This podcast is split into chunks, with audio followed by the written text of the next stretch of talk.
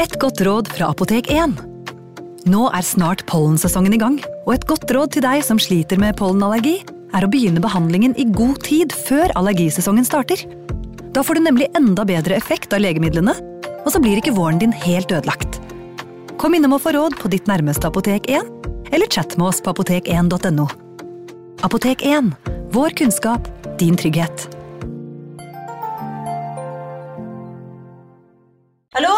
Jeg kommer fra Oslo politikammer. Ine Jansen er purk. Er du purk? The motherfucking bitch. Alt jeg vil, er å finne ut hva som skjedde med mannen min. Jon Carew. Er jeg sikta for noe? Iben Akeli. Det er du. Ole So, Lars Berrum og Big Daddy Karsten. Hvem sin side er du på, egentlig? Anette Hoff, Tone Danielsen, Kommer du fra Afrika? Jørnis Josef, Nesten. Kløfta. Trond Espen Seim, Det er synd å si det, men det var feil mann som døde. Purk. Premiere tirsdag på TV2 Play. Ungsamtalen fra DNB er økonomisk veiledning tilpasset deg som er ung. Bokk en ungsamtale på dnb.no. slash ung. Det er kjempebra hvis du skal inn på boligmarkedet, hvis det er drømmen din, liksom. Det er det du skulle sagt. Og så kunne du ropt litt mer, da, sånn som jeg gjorde. Bam! Advarsel. Denne podkasten inneholder skildringer av ekte drap og kriminalsaker som kan være støtende for enkelte. Det advares også mot sterke inntrykk i deler av episoden. For alle foreldre er tanken på å miste et barn det ultimate mareritt. Dette marerittet ble en realitet for Jim og Nancy Beaumont da deres tre barn plutselig forsvant under en strandtur i Adelaide i 1966. Barna er tilsynelatende sporløst forsvunnet, uten klare tegn som peker på deres skjebne. Når et barn forsvinner, er håp det eneste man har å holde fast ved, og selv om det ikke dukket opp noen åpenbare tegn på hva som hadde skjedd med Beaumont-barna, fortsatte Jim og Nancy å tviholde på håpet om at de en dag ville bli gjenforent med barna sine. Dette blir begynnelsen på en årelang jakt etter svar på hva som skjedde for Bowman-familien, en jakt som vil vise seg fryktelig frustrerende, og tragisk nok aldri generere noen klare resultater for Jim og Nancy. Historien om Beaumont-barnas forsvinning er fremdeles en av Australias mest omtalte kriminalsaker, og var også med på å endre Australias mentalitet angående hvor trygge barna våre er. Frem til dette hadde mange latt barna sine løpe fritt og vært totalt bekymringsfrie når det kom til tanken om farene som venter der ute. Til tross for at saken fremdeles er uløst, har mange ildsjeler helt frem til i dag vært besatt av å finne svar på hva som skjedde med Jane, Arna og Grant Beaumont. Velkommen til True Crime Podden.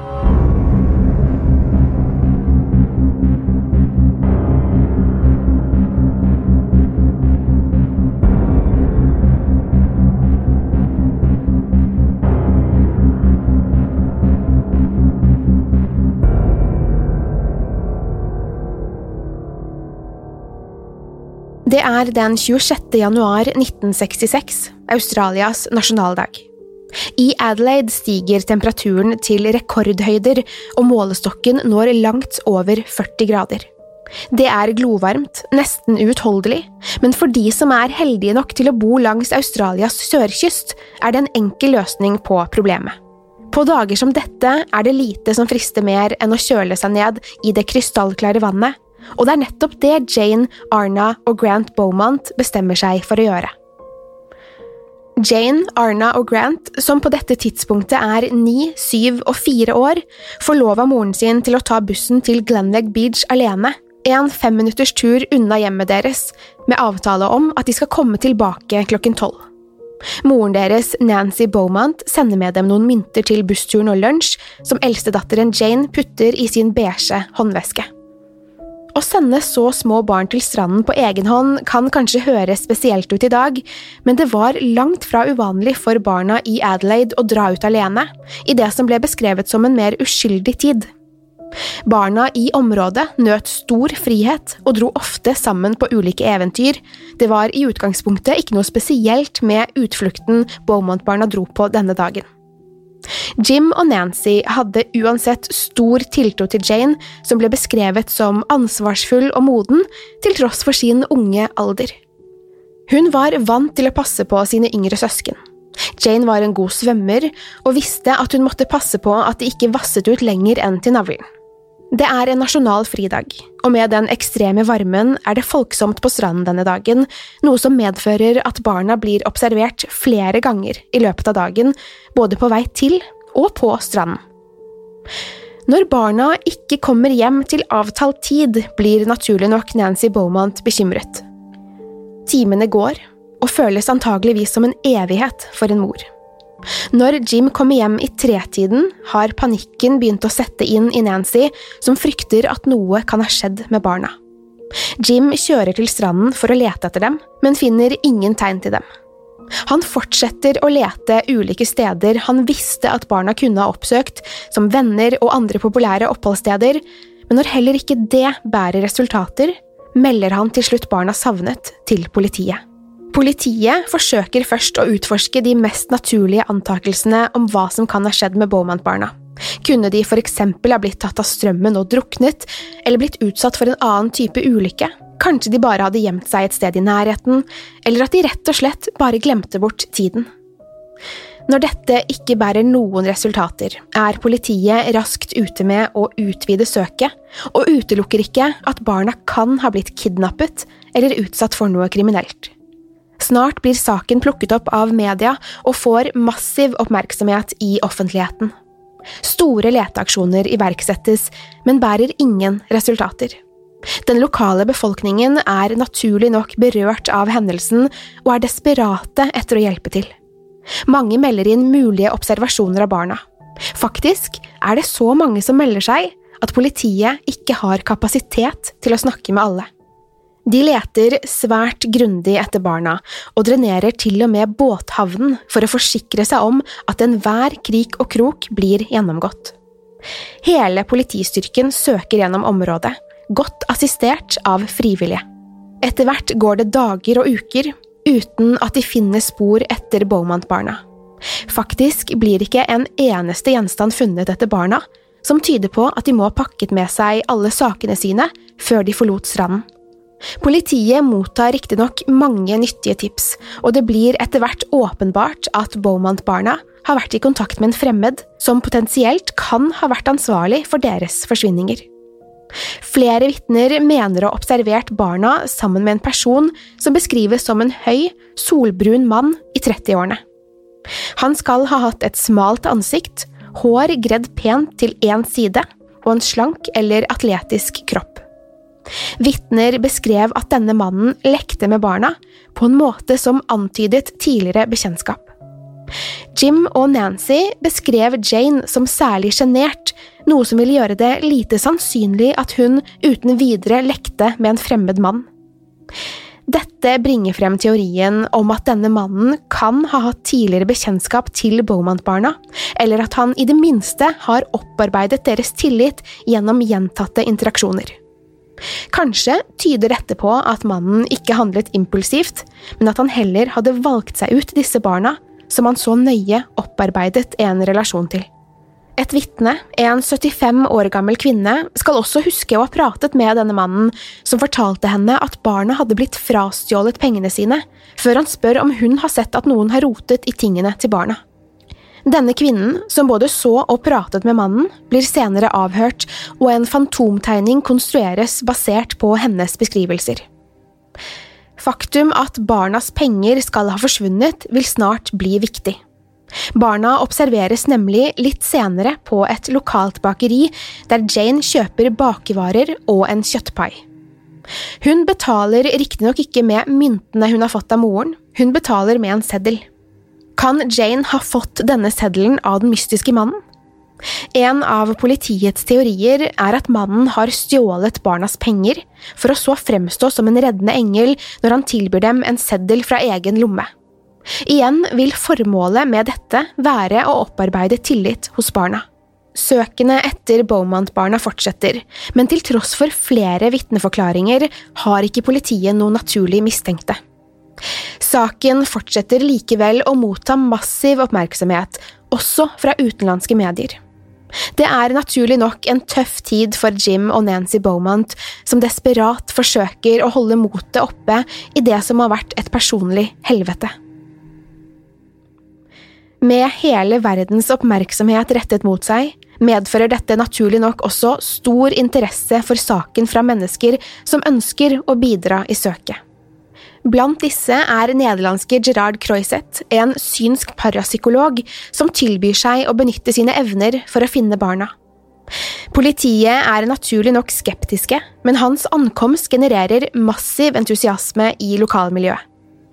Mange velger å tro på Croiset, som hevder å vite hvor Beaumont-barna befinner seg, men til tross for hans påståtte synske evner, bærer det ikke med seg noen resultater.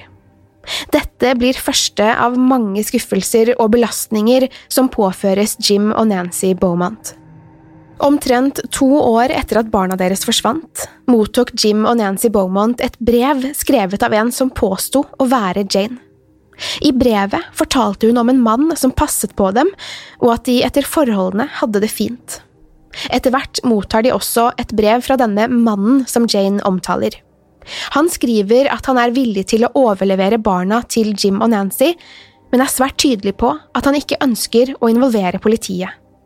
Han skriver ned en adresse og tidspunkt for en mulig overlevering, og kommer med eksakte beskrivelser for hvordan Jim skal kle seg. Jim er naturlig nok skeptisk, men håpefull til validiteten i brevet, og velger likevel å ta med brevet til politiet. Jim ender til slutt opp med å dra til det avtalte stedet, men som forventet er det ingen mann der for å overlevere barna. De mottar i etterkant av dette et nytt brev som forteller at de aldri vil få se igjen barna sine, som følge av at de ikke fulgte instruksjonene. I ettertid har det kommet frem at alle disse brevene bare var en bløff. Brevene ble sendt av en tenåring som så på det hele som en spøk.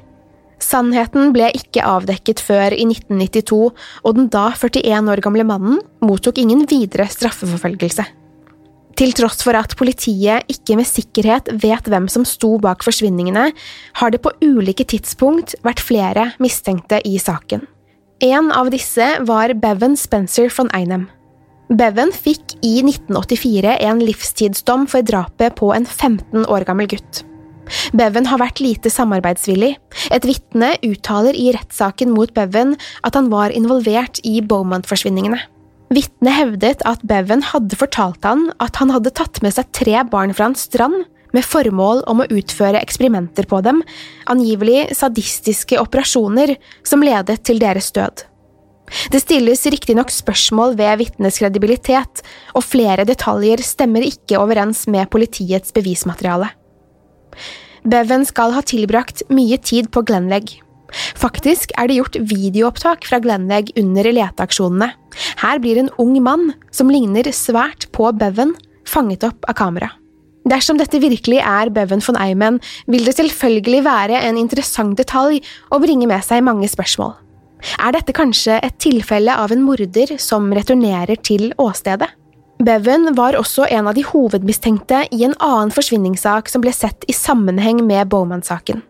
To unge jenter, Joanne Ratcliffe og Kirsty Gordon på 11 og 4 år, forsvant fra en idrettsstadion under en australsk fotballkamp i Adelaide. De to jentene skulle på toalettet, men returnerte aldri til familiene sine. I likhet med Beaumont-barna blir Joanne og Kirsty de neste minuttene observert sammen med en mann som leder dem ut av stadion. Hendelsesforløpet, faktum at kidnappingen skjedde på et offentlig sted med mange vitner, og alderen på de små jentene, medførte at mange mistenker at samme gjerningsmann sto bak begge forsvinningene. Det ble også her produsert en fantomtegning basert på vitnebeskrivelser, og resultatet må sies å være påfallende likt tegningen fra Glenleg Beach, som selvfølgelig også bidrar til å linke de to hendelsene. Arthur er av utseende svært lik tegningen av den antatte gjerningsmannen, og var mistenkt i flere barnedrap. Arthur Brown er på mange måter en veldig sannsynlig kandidat til å stå bak forsvinningene, men det var riktignok vanskelig for politiet å bekrefte hvorvidt han befant seg i Adelaide da Beaumont-barna forsvant. Arthur Brown blir av et vitne identifisert som mannen bak Joanne og Kirstys kidnappinger, men dette ble gjort 25 år etter at hendelsen fant sted, som kan svekke troverdigheten i forklaringen. Med begrenset tilknytning til Glenlegg Beach er det i stor grad den mulige sammenhengen mellom disse forsvinningene som gjør Brown til en mulig mistenkt. Arthur Stanley Brown utviklet Alzheimer og døde i 2002, så det er lite sannsynlig at man noen gang vil vite med sikkerhet om han kan ha vært involvert i noen av sakene. Andre sentrale mistenkte i saken er James Ryan O'Neill og Derek Ernst Percy. Begge er dømte barnemordere og kan ha vært i Adelaide dagen da Beaumont-barna forsvant. Det er likevel lite konkret som knytter dem til hendelsen, og begge var på dette tidspunktet yngre enn det vitnebeskrivelsene skulle tilsi. Politiet har likevel aldri fullstendig utelukket at de kan ha vært involvert, selv om de heller aldri var deres hovedmistenkte.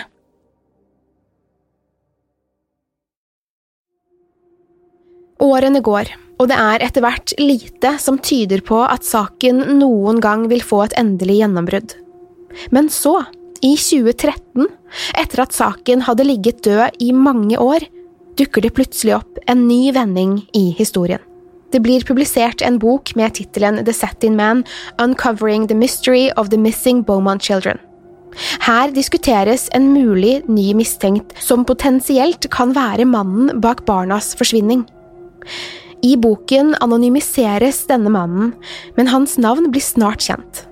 Denne nye mistenkte, den såkalte Sateng-mannen, er Harry Phipps. Harry Phipps døde i 2004, og kunne derfor heller aldri bli avhørt eller etterforsket av politiet. Harry var heller aldri på politiets radar så lenge han levde. Harry Phipps passet antagelig ikke profilen som politiet så etter. Harry Phipps passet antagelig ikke profilen som politiet så etter. Han var en suksessfull fabrikkeier, en del av Adelaides elite, og bodde bare noen hundre meter unna stranden der Beaumont-barna forsvant. Harry Phipps navn ble plutselig relevant i denne historien når hans egen sønn Hayden Phipps forteller sin daværende kone at han husker å ha sett Beaumont-barna sammen med faren dagen de forsvant. Hayden fortsetter å fortelle om en skyggeside av farens liv som vil komme som et sjokk for de som kjente Harry Phipps.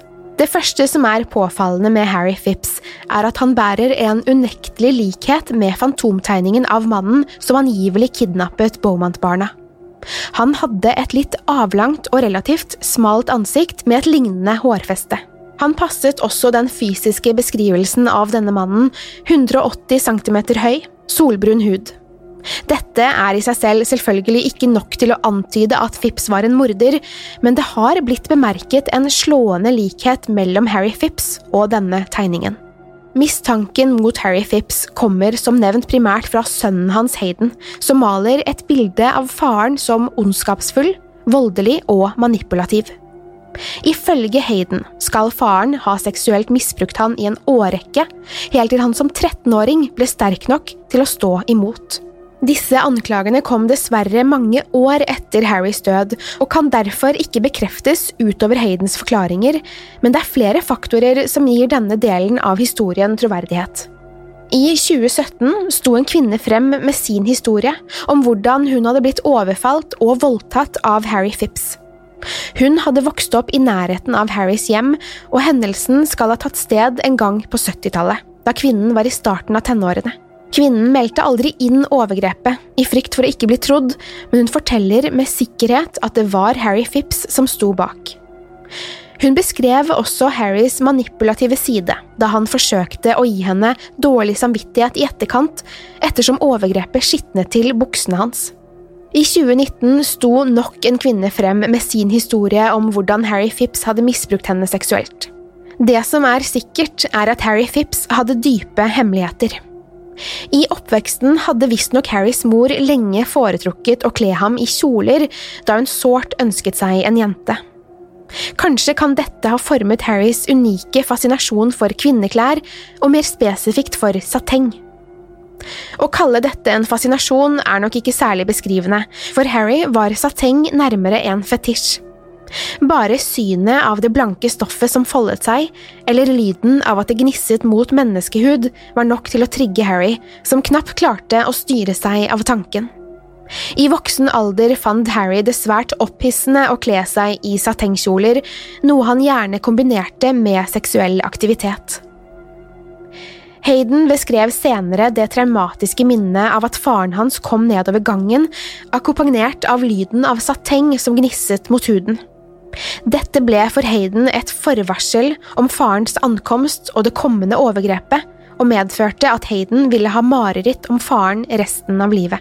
Hayden fortalte også at han hadde sett Beaumont-barna i bakhagen sin sammen med Harry dagen de forsvant. Det er mange år mellom denne angivelige observasjonen og Haydens tilståelse, men Hayden beskriver med sikkerhet at han så dem sammen. Han fortalte videre at han hørte skudd bli avfyrt, men beskrev at dette ikke var noe utenom det vanlige, da Harry, i Haydens ord, var besatt av våpen og bar stort sett med seg en pistol. Faktum at Harry Phipps bodde i nærheten av både stranden og bakeriet, er også med på å styrke Harry som en potensiell mistenkt, selv om dette selvfølgelig ikke i seg selv er nok til å inkriminere ham. Det er uansett sannsynlig at personen som sto bak kidnappingen, hadde tilholdssted i nærheten, da det, som nevnt, antas at denne personen hadde hatt tidligere kontakt med Beaumont-barna.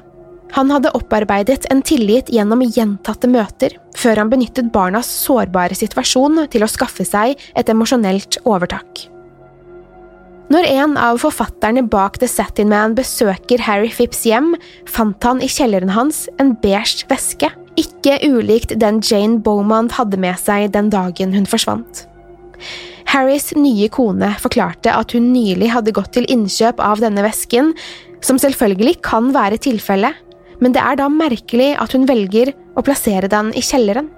Samtidig er det lite konkret som peker mot at dette skal være samme veske som Jane hadde med seg til stranden 50 år tidligere. Noe som umiddelbart høres svært inkriminerende ut, er at Harry, kort tid etter at Beaumont-barna forsvant, skal ha betalt to gutter for å grave et hull like ved en av fabrikkene sine. Hullet de gravde for ham, var mer enn stort nok til å skjule tre barnelik. Det tok disse guttene mange år å innse at de potensielt kunne ha bistått en morder, helt frem til 2013, når de plutselig oppdager at Harry Phipps blir sett på som mistenkt i saken. I 1966 hadde ikke disse guttene noen grunn til å mistenke at Harry, som var et høyt respektert medlem av samfunnet, hadde noe med forsvinningen å gjøre. Når arbeidet var ferdig, betalte han guttene i sedler. Et annet, kanskje mindre påfallende sammentreff er nettopp disse sedlene. Jane Beaumont betalte som nevnt med en seddel på bakeriet, en seddel hun antageligvis fikk av sin kidnapper. Vi vet at Jane ikke fikk denne seddelen av moren sin, og må derfor antageligvis ha fått den av noen på stranden. Kan denne seddelen ha kommet fra Harry? Det er selvfølgelig umulig å vite med sikkerhet, men flere har fortalt hvordan Harry var glad i å dele ut sedler, slik han også gjorde med de to guttene. Det har ved flere anledninger blitt gjennomført søk og utgravinger rundt Harry Phipps fabrikk, der mange har antatt at Beaumont-barna kan være begravet, men dette har enn så lenge ikke ledet til funn annet enn et dyreskjelett. Til tross for at Hayden Phipps var bastant i sin mening om at faren hans står bak drapet på Beaumont-barna, er Harrys andre sønn Wayne Phipps ikke fullt så overbevist.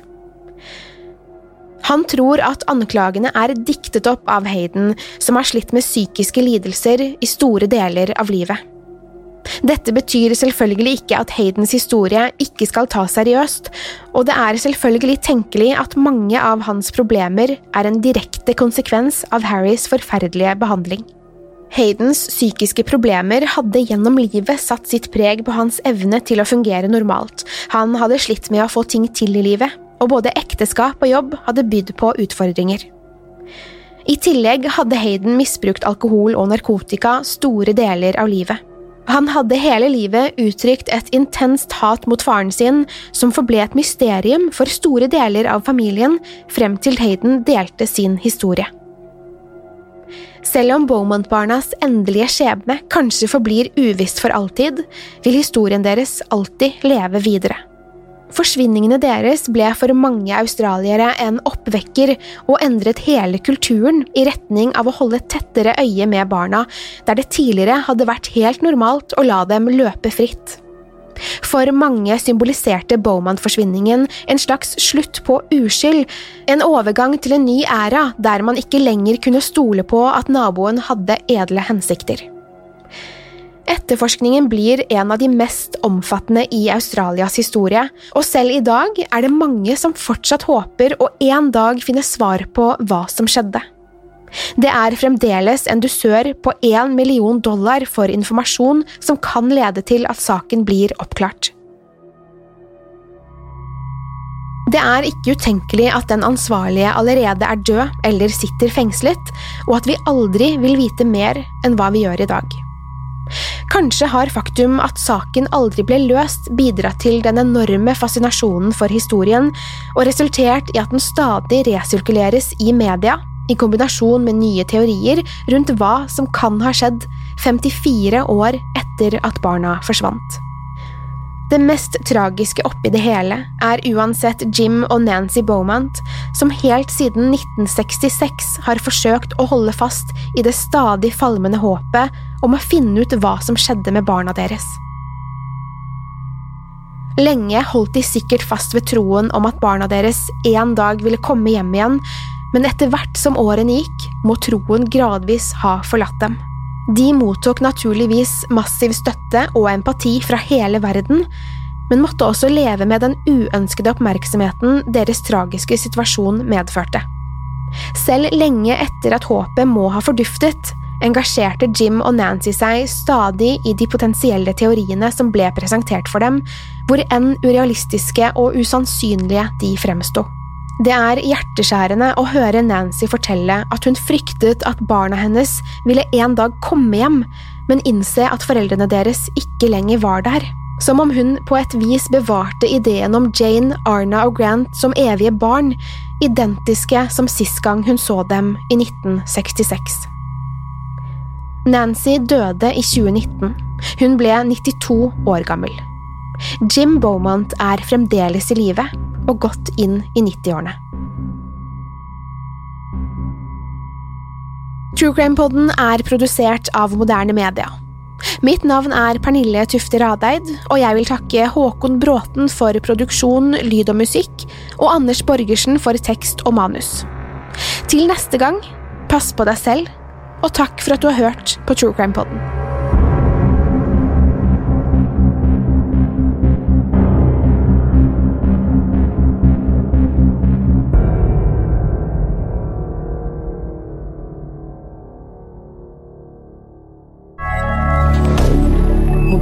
Media.